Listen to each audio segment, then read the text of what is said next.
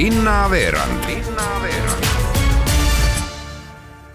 tere, head Kuku raadio kuulajad, eetris on Viljandi linnaveerand, mina olen saatejuht Ingela Virkus ja kuna Viljandi otsis suveks kogukonna giide, olen saate esimeseks intervjuuks helistanud Viljandi linnavalitsuse avalike suhete ja Turismiameti juhatajale Krista Kullile, et rääkidagi lähemalt sellest, kuidas konkurss läks. tere, Krista! tere päevast, raadiokuulajad! no keda te ennekõike kogukonna giidideks ootasite? Jah, me oleme sellisel nii-öelda kompama alles piire ja sel aastal siis tõepoolest esimest korda linnavalitsus kahaste Viljandimaa Arenduskeskusega kuulutasime välja sellise mitte niivõrd konkursi, aga üleskutse eeskätt viljandlastele, kes on oma kodulinna kirglikud poolehoidjad ja armastajad, vähemalt kuueteistaastased, kes ei karda suhelda ja heal juhul valdaksid lisaks kaunile emakeelele, eesti keelele ka ühte võõrkeelt, nii et sellised olid need kõige esmased ja elementaarsemad kogukonna giidile esitatavad nõuded programmi sai kandideerida neljateistkümnenda märtsini, kui palju huvilisi selleks siis äh, soovi avaldas ja mida nad täpsemalt selleks tegema pidid? Nad äh, jah, pidid tegelikult, äh, inimesed said kenasti saata enda tutvustama kas siis videoklipi või kirjeldama, miks just tema sobiks Viljandi lugusid jutustama ja selleks tähtpäevaks laekus meile üle ootuste palju kandidaate, nii et neliteist inimest on äh, siis need, kes tahaksid suvel Viljandi külalistele linnaekskursioone teha kas kõik need neliteist saavadki nüüd äh, kogukonna giidiks või teete te veel omakorda mingi valiku või kuidas ja mille põhjal see siis sel juhul, äh, see valik tehakse?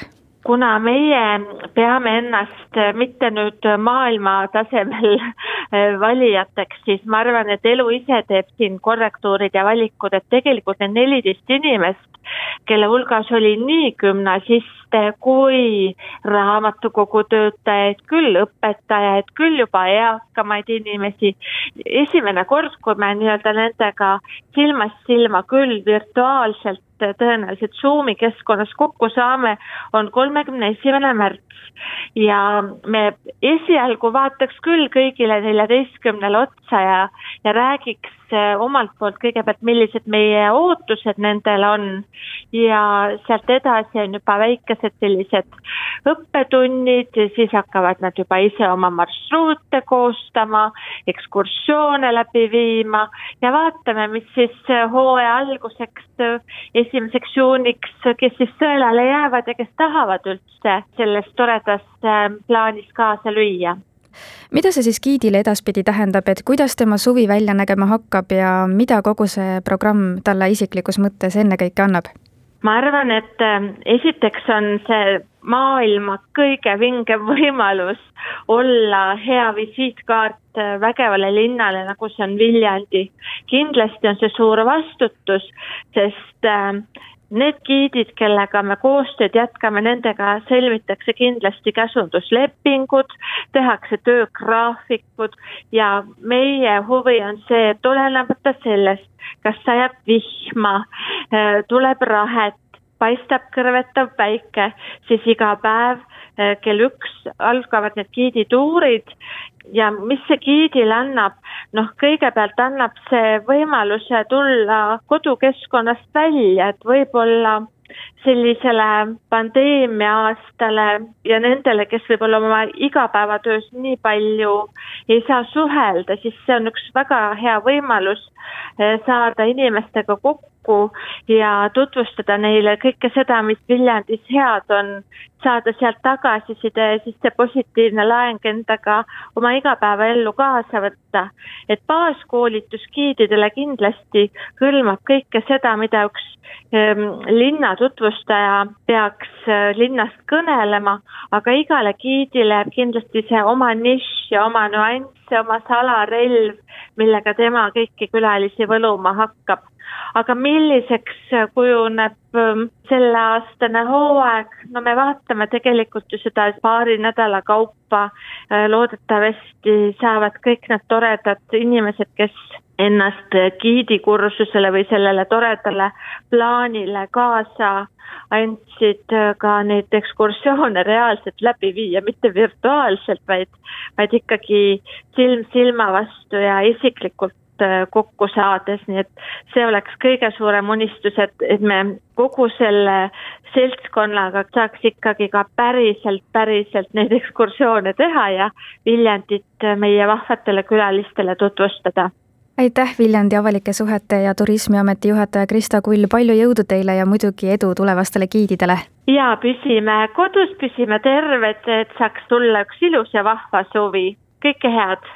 Esimesest märtsist esimese maini saab registreerida kahekümne viiendat korda toimuvasse rahvusvahelisse noortelaagrisse Eesti Etno. samuti avati pääs ka laste muusikalaagrisse Laste Etno. olen nüüd helistanud laagri pealikule Margit Kuhile, et rääkida lähemalt, keda laagrisse oodatakse ja mis seal siis täpsemalt saama hakkab. tere! tere kõigile! no keda te ennekõike nendesse laagritesse ootate?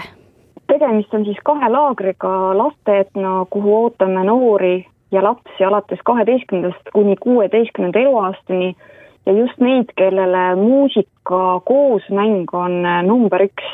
et äh, meil on väga palju lapsi, kes erinevates kohtades üle terve Eestimaa pilli mängivad, pärimusest rõõmu tunnevad ja see on just nendele, kes tahavad teisi kohata, kes nagu nemadki seda muusikakirge jagavad. ja siis Eesti Etno, kus tulevad kokku noored kuueteistkümnendast kolmekümnenda eluaastani kes siis on ka juba muusikapihiku endas üles leidnud ja kas siis omal käel õppinud või, või kuskil äh, koolis seda juurde saanud tehniliselt. et äh, see on just neile, et saada kokku ja jagada muusikat omavahel Eesti etnolaager toimub kolmeteistkümnendast kahekümne kuuenda juulini, millest viimased neli päeva veedate Viljandi pärimusmuusikafestivalil, kus laagris osalejad saavad anda ka kaks-kolm kontserti. mis selle kahe nädala jooksul veel plaanis on? Me kohtumegi siis tõesti kolmeteistkümnendal Kõpu mõisas, kus me oleme üheksa päeva ja nende päevade jooksul toimuvad õpitoad osalejate enda poolt läbiviiduna, ehk siis äh, kui tulevad erinevatest kohtadest, kas siis ka välismaalt, siis nemad õpetavad oma maa lugu või tulevad üle Eesti kokku, siis äh, õpetavad Eesti lugu, äh, kas pillilugu või laulu, et meil on ka lauljad. Ja siis toimubki nende lugude õppimine, iga päev õpitakse umbes neli lugu ja kokku tulebki sellest kava, millega minnakse folgile. ja meie saame ka kokku laste etnolaagriga, kes tulevad meil siis laagri viimasel päeval, Kõpu viimasel päeval külla. Ja õpime ühisloo ja anname Kõpus traditsioonilise ühiskontserdi ja siis me siirdumegi äh, folgile, kus me plaanime neli päeva olla ja tõesti igal päeval esineda, et äh, eks vaatame, mis, äh, kus meid näha saab, aga kindlasti loodame esineda Kirsimäel ja Rohelisel laval, et need on paika pandud kontserdid, aga kindlasti saame veel, kui vähegi saab, siis nii tänavamuusikutena kui muudes kohtades festivalile värvi anda omamoodi põnevust lisab ju ka see, et äh, kuna te tähistate kahekümne viiendat sünnipäeva Eesti Etnoga, siis vändatakse ju sellest sel aastal ka dokumentaalfilm. Jaa, sellega sai juba algust tehtud eelmisel aastal, kui Jürgen Volmer äh, oli laagris, filmis meid, käis meiega kaasas ja sai aimu omalt poolt, et äh, kuidas seda filmi kõige paremini üles võtta, et tähistada seda väärikat numbrit. Ja tõesti, saab äh, põnev olema, kuidas see film täpsemalt äh, läbi noorte silmade siis äh, välja tuleb ja soovime leida vastust küsimusele, et mis siis on see etnomaagia, mis seal etnolaagris toimub, kui peale seda laagrit noored ütlevad, et see on nende elu muutnud või või nad on leidnud midagi sellist, mida nad varem pole üldse arvanud, et on olemas ja, ja see avatus ja see muusika jagamine ja armastus, mis seal laagris on, et äh, püüame siis sellele vastuse leida, et mis maagia seal etnolaagris toimub no lõpetuseks me saame sellest maagiast osa, te jagasite mulle eelmisel aastal laagris valminud toredaid lugusid, millist me neist lõpetuseks kuulata võiksime? Võiks siis kuulda ikkagi Eesti lugu Kits kilekarja, mis siis sai salvestatud pärimusmuusika Aida suures saalis kuna eelmisel aastal festival jäi ära ja majas sees kontserte ei toimunud, siis me tegelikult selles suures saalis, kus see lugu siis kohe kõlama hakkab, ma loodan, oligi selline nagu suur elutuba, kus siis magati, oldi ja salvestati need kõik lood, mis laagris õpiti. ja mul on väga hea meel, et see sai tänu Lauri Kadalipule teoks, sest kuna me pole ammu tõesti niiviisi ühiselt lindistanud äh, spetsiaalselt siis oli see väga põnev ja nüüd on tore kuulata. ja kui veel keegi tundis, et ta tahaks tulla, siis äh, täitsa on kohti ja saab registreeruda. kuulemegi eelmisel aastal etnolaagris valminud lugu Kitskile karja. mina tänan teid kuulamast, aitäh ka teile, Margit Kuhi, etnolaagrist lähemalt rääkimast ning palju jõudu ja jaksu teile! suur tänu kõigile ja ilusat kevadet!